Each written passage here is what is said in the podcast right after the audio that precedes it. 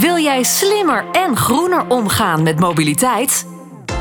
Ben je benieuwd hoe je de perfecte balans vindt tussen het beheersen van kosten en MVO? En kun je daar wel wat praktische tips en tricks bij gebruiken?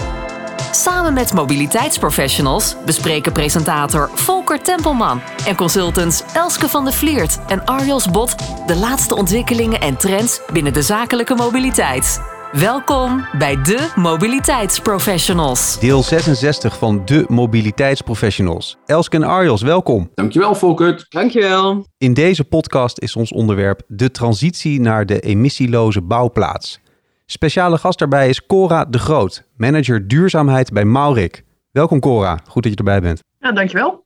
Cora, veel luisteraars kennen Maurik eh, denk ik wel een beetje, in ieder geval van naam. Het is een van de grotere Nederlandse aannemers. Jullie zijn ook actief in het buitenland, onder andere in België, Thailand, Venezuela. Wat doet Maurik precies? Nou, dat is een goede vraag, want we doen uh, behoorlijk wat. Enerzijds zijn we aannemer die actief is in de inframarkt. Dus daar helpen we eigenlijk uh, weggebruikers weer veilig en duurzaam van A naar B. We maken fietsverbindingen, we leggen nieuwe wegen aan, we renoveren kunstwerken en we plegen groot onderhoud aan snelwegen. Dus ja, eigenlijk doen we heel veel verschillende activiteiten in de inframarkt. En daarnaast zijn we ook actief als industrieel speler in de industrie. En dat doen we in Nederland, maar ook uh, ja, in het buitenland. We hebben ook verschillende vestigingen. En wat doe je als manager duurzaamheid uh, dan, Cora? Ik ben uh, vanuit de holding, vanuit de groep, verantwoordelijk voor het uh, programma Duurzaamheid en Circulariteit. Het zijn twee van de versnellers uh, in onze nieuwe strategie, Route 25. En ja, ik help de organisatie om te versnellen op het gebied van duurzaamheid. Kun je dat nog iets praktischer maken? We hebben Route 25, de twee versnellers zoals ik net zei. En um, ik heb daarvoor samen met de organisatie een programma opgesteld, een duurzaamheidsprogramma, bestaande uit acht thema's. En okay. per thema hebben we een versnellingsprogramma wat daar invulling aan geeft. Nou, een van de versnellingsprogramma's is dan weer uh, klimaatneutraal in 2035. En daar hoort de transitie naar de emissieloze bouwplaats uh, hoort daarbij. Emissieloze bouwplaats, dat ja. klinkt heel interessant. In Route 25 hebben we ook uh, als doel opgenomen dat we in 2030 al ons materieel emissieloos willen maken. Dus dat geldt niet alleen voor de infra, maar ook voor de initiële materieelstukken. dat is nogal een opgave. Zeker als je bedenkt dat materieelstukken vaak tien jaar meegaan. Oh ja. Dus de materieelstukken die we vandaag aanschaffen of vernieuwen, uh, ja, die moeten eigenlijk al misloos zijn. Mm -hmm. En uh, nou, zoals jullie waarschijnlijk ook weten, de techniek is helaas nog niet uh, voldoende ver om zwaar materieel volledig misloos al te maken. dus zijn we zelf ook gestart met innovatietrajecten om dat voor elkaar te krijgen. Ehm, en dat doen we niet alleen voor onze eigen bedrijfsvoering om die misloos te maken. Maar we nemen daar ook bijvoorbeeld onze ketenpartners in mee, zoals de onderaannemers en uh, onze leveranciers. Klinkt echt heel gaaf. Ja, en, is het ook. Maar ook als een enorme uitdaging. Ja, dat is het ook. Ja, ja, ja. En nou heb ik gehoord dat jullie gewoon een waterstofkraan hebben.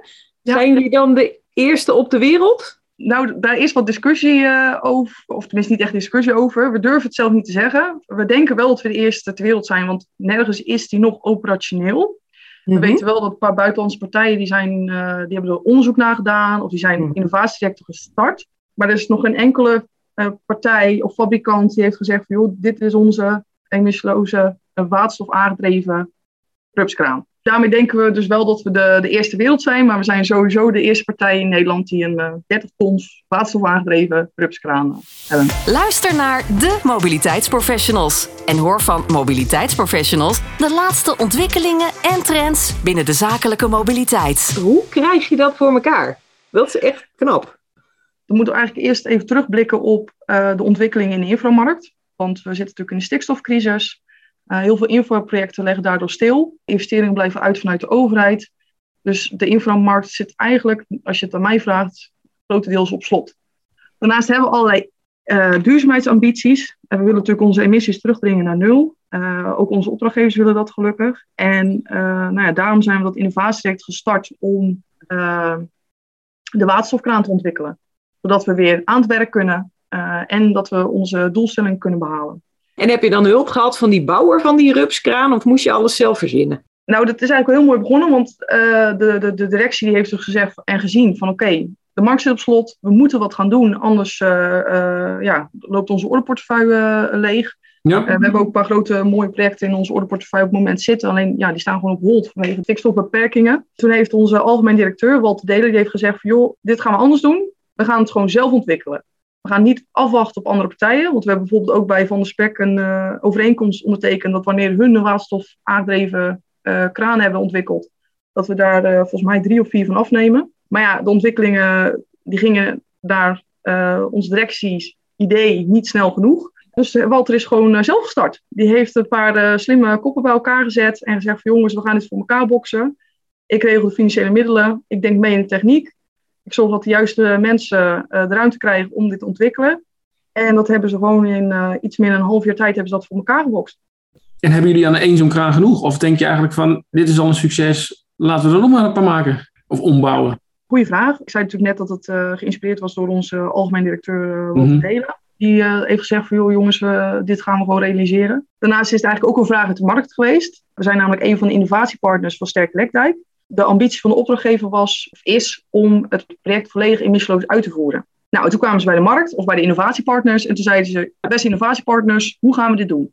En daar is ook het emissieloos netwerk infra voor opgericht om dat gesprek te voeren en met elkaar dan te kijken van oké, wat zijn de mogelijkheden, hoe ver zijn we al, en hoe moeten we nog gaan versnellen om dat te realiseren. En ook ja. mede daardoor hebben we eigenlijk de, de waterstofkraan ontwikkeld. Omdat we ook wel een betalende opdrachtgever hebben uh, die, dat, uh, die de kraan ook gaat inzetten. Hier zit je dan met de opdrachtgever en zo om tafel. Hè, en dan wordt er zo'n project bedacht en er wordt over nagedacht. Maar vervolgens is er gewoon een machinist die dat ding moet bedienen. Dus hoe gaan de collega's er nou mee om dat, ze, dat dit soort ontwikkelingen er zijn? De gewone collega's die het moeten doen. Dat vind ik eigenlijk ook wel mooi van hoe Maurits er uh, mee omgegaan is. onze algemeen directeur die heeft dus gezegd: van, joh, we gaan het voor elkaar boksen en dit gaan we zelf doen. Dus ja. we hebben wel een innovatiepartner gehad die ons daarbij heeft geholpen op technisch vlak. In huis hebben we de graafmachine ontwikkeld bij Mouw ja. Techniek. Dat is eigenlijk onze garage technische werkplaats. Ja. Daar worden ook onze kranen en zo onderhouden. En eigenlijk heeft hij daar een paar slimme jongens uh, uh, van de werkvloer uh, ook bij die kraan gezet. En gezegd van, joh, jullie gaan het ontwikkelen. En ze hebben ook gelijk de machinist bij betrokken. Ah, super. Dus die machinist was eigenlijk al heel vroeg betrokken. En ja, die is zo enthousiast en trots. Dat is echt heel mooi om te zien. Want we hebben ook uh, wat foto's gemaakt van de kraan toen die uiteindelijk uh, gelanceerd werd. En toen hebben we ook gezegd van ja, jongens moeten er gewoon voor, want die hebben het uiteindelijk voor elkaar gebokst. Ja, dat is echt, uh, ik, ik durf bijna te wedden dat hij boven zijn bed hangt. ja, gaaf. De mobiliteitsprofessionals. En zie je nu dat de vraag dan ook breder gesteld wordt? We, hè, we hebben een kraan die draait op waterstof.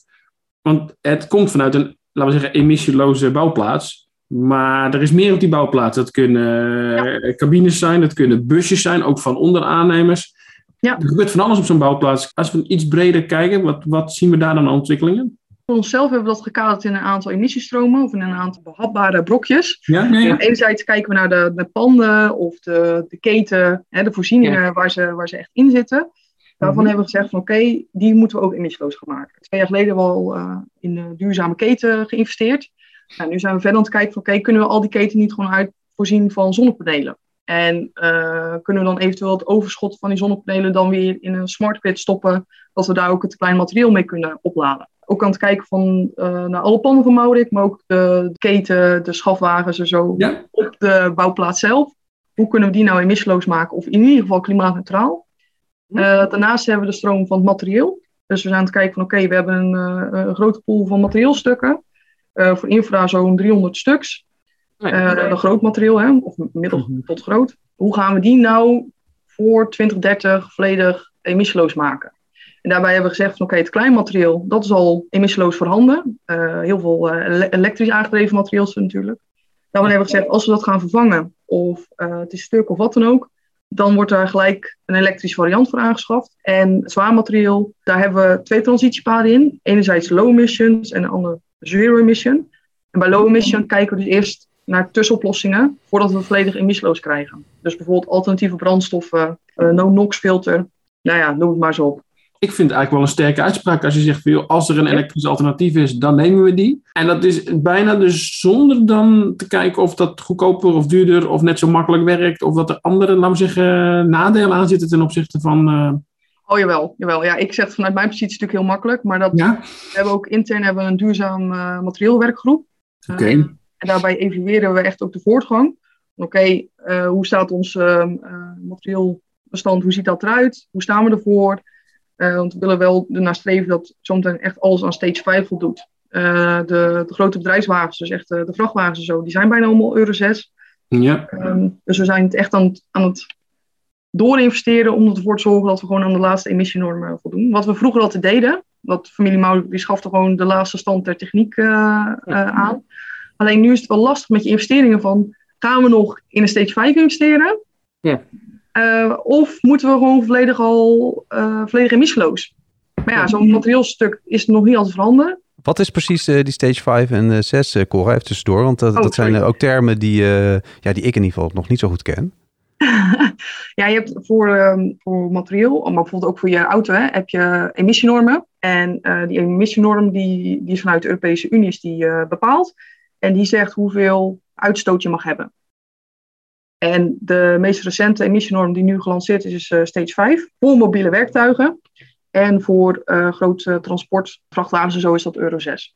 Hoe groot zijn die verschillen tussen stage 5 en 6 bijvoorbeeld, Elske? Je ziet daar, uh, want je hebt twee uh, stromingen. Dus je hebt de euronormeringen voor bijvoorbeeld de vrachtwagens. En uh, we hebben gezien dat vooral van euro 3 naar 4 naar 5 en nu naar 6 dat was een hele grote, enorme, uh, uh, ja, ging heel snel. Terwijl uh, het eerder in kleinere stapjes ging. En zo is het ook met die stage 3, 4, 5 normen, zeg maar. Het wordt steeds strenger. En dat is ook waarom op dit moment euro 7 bijvoorbeeld op zich laat wachten. Want het is zo lastig voor de industrie, niet alleen om daaraan te voldoen, maar ook willen ze eigenlijk gaan nadenken over moeten we dan geen CO2-uitstoot ook daarin gaan meenemen. Want dit gaat echt over de uitstoot die slecht is voor de luchtkwaliteit, dus waar je ziek van wordt. Nou ja, ga je ook CO2-uitstoot uh, meenemen, dan wordt het voor die vrachtwagenfabrikanten nog moeilijker om het uh, allemaal voor elkaar te krijgen. En daarom hebben we een hele snelle transitie gezien en zitten we nu een beetje aan te hikken tegen euro 7. Ik kan me voorstellen, Koren, dat dat ook echt uh, vraagstukken zijn waar jij veel mee bezig bent, wat je net ook aangeeft, en naar de toekomst toe vooral. Ja, ik probeer voor het bedrijf zelf dan de, de trends en ontwikkelingen daarin goed te signaleren en dat ook mee te geven aan de collega's. Maar ja. uiteindelijk uh, is daar natuurlijk uh, het hoofdmaterieel en de, de directie daar, die daarover gaan. En ja, voor hun, uh, ik, ik vind persoonlijk, ik zie, het heel, ik zie het heel makkelijk. Want ik heb zoiets van, ja, weet je, we moeten versnellen. Want we, als zo'n materieelstuk tien jaar meegaat, dan ja. moet al het materieel gewoon nu al emissieloos zijn. Ja. Um, en ik weet ook wel de perikelen in de dagelijkse praktijk die dat, die dat moeilijk maken. Maar voor zo'n directeur of voor het hoofdmaterieel is dat natuurlijk veel lastiger. Want ja, die, die zitten met zoveel meer factoren. Uh, en ook inderdaad met gaat het nog naar euro 7 of moeten we al volledig emissieloos? Wat is er voorhanden? Uh, kunnen de jongens er ook buiten mee werken? En, en wat, wat naar mijn mening nu de grootste obstakel is, is, dat hele, is de hele laadinfrastructuur. Want we waren laatst bij een fabrikant die, um, uh, die heel gaaf, die bouwt Dozan-kranen om naar elektrisch, volledig elektrisch. Ja, dat is super mooi. Alleen ehm, je kan vier uur met zo'n machine werken. En dan vervolgens moet je hem opladen. Nou, dan, dan zit hij bijna 8 à 10 uur aan de lader. Dus ren, uh, om er echt mee in de praktijk mee te werken, dat, dat, dat, haal je niet. En het is ook gewoon eigenlijk niet rendabel nog. Wil jij slimmer en groener omgaan met mobiliteit? Luister dan naar de mobiliteitsprofessionals. En ontdek de laatste ontwikkelingen en trends binnen de zakelijke mobiliteit. Dit is natuurlijk een heel interessant punt. Want ik, ik, ik wil denken en vertellen in kansen en mogelijkheden. Ja. Je noemt nu zelf de belangrijkste bottleneck, wat natuurlijk ook een hele goede is. Uh, die laadinfra, dus op dat, al die bouwplaatsen zijn, uh, nou, hebben dat dus nog niet. Zijn daar ontwikkelingen in die, die, die bottleneck, zeg maar, toch, nou ja, minder een bottleneck maken of zelfs wegnemen? Kun je daar iets over vertellen, Cora? In het emissieloos netwerk infra zijn ze daar grootschalig onderzoek naar aan het doen. Uh, en maken ze ook afspraken hè, met verschillende partijen. Dus daar gebeurt het echt. Maar intern zijn we in ieder geval aan het onderzoeken voor een aantal projecten waar we dus steeds meer elektrisch materieel uh, moeten gaan inzetten, hoe we dat beter kunnen organiseren. Bijvoorbeeld door al afspraken te maken met de netbeheerder, uh, maar we zijn ook uh, een, een laadinfra zelf aan het ontwerpen, dat we ook minder afhankelijk zijn van een vaste aansluiting. En misschien straks ook wel met, laten we zeggen, vrachtwagens of busjes waar een behoorlijke accu in zit, omdat het een elektrische bus is of een deels elektrische vrachtwagen, dat je met die stroom uh, ja, op kunt laden en ontladen. En dan zo ook uh, elektriciteit zeg maar, en capaciteit beschikbaar hebt op de bouwplaats. Ja, een andere aannemer heeft daar al wat ontwikkelingen gedaan. Ja, dat is gaaf. En dan, dan ga je ook echt werken met smart grid. Hè? Dat je je Ja. auto inderdaad als, eh, als accu gebruikt en gaat ja, schipperen wanneer je de elektriciteit nodig hebt. Alleen vraag me daar altijd wel vanaf. Hè? Dat is altijd leuk. Dan gebruik je je auto als accu. Maar dan wil je aan het eind van de dag weer naar huis rijden. En dan, eh, Ja. dan ben je leeg. Dus het is, de energietransitie, het is, we hebben het keihard nodig. Ehm, eh, en het is ook het supermooie stappen die we maken. Alleen praktisch blijft het nog wel een heel gevecht van hoe, hoe knoop je al die factoren aan elkaar dat het ook echt werkbaar is. Anders zou je niks meer te doen hebben. Ja, zeker. En dat vind ik eigenlijk ook wel mooi vanuit, eh, vanuit de directie van Mout Infra. Die hebben gezegd, joh, die, die ontwikkelingen rondom elektrisch aangedreven materieel, ja, dat, dat, dat- daar wachten we niet op. We gaan kijken naar de potentie van waterstof. Omdat ze ook geloven dat waterstof veel meer potentie heeft voor het zwaardere materieel dan Mhm. dat elektriciteit nu aankomt. En intussen, in de afgelopen 1, 2 jaar, eh, hebben verschillende fabrikanten ook al aangetoond dat elektriciteit, dat, dat, dat daar nog veel meer potentie in zit. Hè? Dat, dat ook Ja. voor zwaar materiaal nog voldoende aan opties kan genereren. Ja. Dus ik denk ook voor het zwaar materiaal, hè, qua eh, bedrijfswagens of eh, eh, vrachtwagens, ik denk dat we ook meer richting waterstof gaan. Komen alle ideeën vanuit de laag van directie en van jou? Of eh, doen jullie ook veel aan de medewerkers eh, vragen stellen over hoe zij zien dat het beter kan? Nee, het is zeker niet alleen directie. Wat ik persoonlijk ook heel mooi vind, is dat bij Moudek ook heel veel bottom-up komt. Eh. Van de jongens zelf of van de jongens buiten. Ook gewoon de, de, de chauffeurs zelf bijvoorbeeld die met ideeën komen, de machinisten. Dus iedereen denkt hier ook, ehm, ja, iedereen denkt goed mee. Eh, En ook, ook werkvoorbereiding, uitvoerders, die komen ook met ideeën als ze wat bij de concurrent zien. Dat ze zeggen, ja, waarom hebben wij dat nog niet? Of ga, ga het regelen, ga zorgen dat wij het ook hebben. Ja. Dus dat, eh, ja, het komt vanuit alle lagen vanuit de organisatie. Ah, goed punt, Cora. Wat kunnen jullie nog leren van de concurrentie? Als je kijkt naar de collega-aannemers, die lijken op sommige punten de transitie wel wat sneller in te zetten. Bijvoorbeeld eh Dura Vermeer, die heeft nu ehm, kleine smart grids aangeschaft. En volgens mij is bij hun nu de doelstelling om al die verschillende bouwplaatsen gewoon op die manier te voorzien van eh, een smart grid. Ja, dat, dat vind ik persoonlijk echt heel tof. Dat ze gewoon eh, eh, eigenlijk het lef tonen en Ja. het gewoon doen. Dus dat kunnen wij zeker denk ik nog leren van een aantal andere partijen. En wat kan de concurrentie van jullie leren? Goeie vraag, Elske, dankjewel. Nou, dan kan ik ook terugkoppelen eigenlijk naar het, naar het vorige punt. Kijk, Duro Vermeer die heeft dan die, echt die, die, die units aangeschaft en die zet ze echt in. Wij bij Maurik gaan geen dingen doen die niet kunnen. Het moet echt praktisch zijn, eh, anders beginnen we bij er niet aan. En wat je nu wel heel veel ziet in de markt, is dat er eh, initiatieven gelanceerd worden, dat er heel veel gepromoot wordt rondom de emissieloze bouwplaats, wat in de praktijk gewoon eigenlijk niet uit kan. En om heel te zijn, dat verziekt ook een beetje de markt. Want opdrachtgevers die zijn ervan overtuigd dat het kan. Eh, want die zeggen van, joh, het is al beschikbaar, want kijk maar naar die en die. Terwijl het praktisch helemaal niet haalbaar is of niet mee te werken is. Wij maken er denk ik ook wel eens mee dat een opdrachtgever zegt van joh, dat kan al zo of zo. Of we willen minimaal dit of dat. En dat blijkt in de praktijk dan toch nog wel eh, niet of eh, minder te werken. Ja, dat is interessant. En dat zal mijn inschatting zo zijn dat dat de komende jaren dan ook zo blijft. Dat het nog best een uitdaging blijft om dat eh, te managen, zeg maar. Ik heb er een mooi voorbeeld van. Laatst hadden we bij een aanbesteding, kregen we het plan terug. En eh, daar hadden we wel goed op gescoord. Alleen eh, kregen we de opmerking terug dat de opdrachtgever zei, ja, maar je hebt geen misloos transport. Ik ging persoonlijk even op aan, want ik dacht, hè, hoe komen ze erbij? Want welke partij in Nederland kan wel emissieloos transport doen? En voornamelijk binnen de infrawereld. Welke partij is al eh orde? Want er is één partij die, heeft, ehm, eh, die doet emissieloos transport van, eh, van stenen. Hè? Die werkt voor veel grote eh, steenproducenten. Die is volledig elektrisch. Alleen die vrachtwagen van hem, die is al voor de komende twee jaar is al volgeboekt, omdat hij een, in de niche zit. Hij heeft een van de weinige elektrische voertuigen. En, en dat is dan puur voor het, voor het aanleveren van stenen. Uh, maar voor uh, het asfalt. Nou, volgens mij is er nog geen enkele club die een volledig elektrische asfaltkipper heeft. De mobiliteitsprofessionals. Cora, wij vragen ook altijd aan de, aan de gastsprekers uh, wat ze nog aan een aan tip hebben voor onze luisteraars. Dus stel, hè, je luistert naar deze podcast, uh, je doet iets met zakelijke mobiliteit. misschien zit je wel in de wereld van, laten we zeggen, bouw, infra of industriële dienstverlening. En je wilt verduurzamen, je wilt vergroenen. Wat zou jouw tip zijn? En dat is een hele goede vraag. ik denk om uh, duurzaamheid iets van iedereen te maken. En dus niet alleen van de directie, maar ook niet alleen iets van de medewerkers, maar ervoor zorgen dat iedereen aangaat voor duurzaamheid. En wat ik heb geleerd in de afgelopen jaren is dat je ambassadeurs moet vinden. Sommige plekken worden ze de groene helden genoemd. Nou noem ze maar zo. Maar vind de collega's die, uh, die passie hebben voor duurzaamheid of die goede ideeën hebben omtrent duurzaamheid. En zorg dat ze uh, die ideeën kunnen uitdragen, dat ze die verder kunnen uitwerken.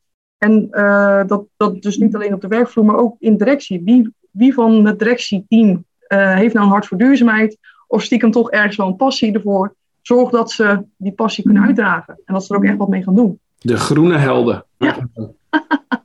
Dit was hem deel 66 van de mobiliteitsprofessionals. Ons onderwerp was de transitie naar de emissieloze bouwplaats. Speciale gast daarbij was Cora de Groot, manager duurzaamheid bij Maurik. Cora, dankjewel. Ja, jullie bedankt. En iedereen bedankt voor het luisteren. We blijven graag met jullie in contact, zoals je weet. Laat van je horen, bijvoorbeeld op LinkedIn en tag ons dan in je bericht. Cora, kunnen mensen ook met jou uh, via LinkedIn uh, ja, verder discussiëren, verder van gedachten wisselen? Graag, ja. Mooi. Nou, gewoon Leuk. taggen en uh, doorgaan. Hetzelfde geldt denk ik voor jou, Arjos. jij bent natuurlijk te taggen op LinkedIn. En waar, waar kunnen mensen jou mailen? Ik ben te bereiken op arjos.bot.arval.nl. Elske, waar ben jij te bereiken? Van de Vliert, zero-e.nl. Ja, doe dus vooral mee met de discussie uh, online. Uh, op LinkedIn uh, kunnen we verder gaan. En mail iedereen die meedoet aan deze podcast. Kom maar door met je ideeën, suggesties, tips. Je kan de podcast van de Mobiliteitsprofessionals terugvinden op demobiliteitsprofessionals.nl. En natuurlijk in je eigen favoriete podcast app. Bedankt voor het luisteren naar de Mobiliteitsprofessionals. Volgende keer zijn we er weer met een andere gast. En nog meer relevante ontwikkelingen en tips rondom zakelijke mobiliteit. Tot dan!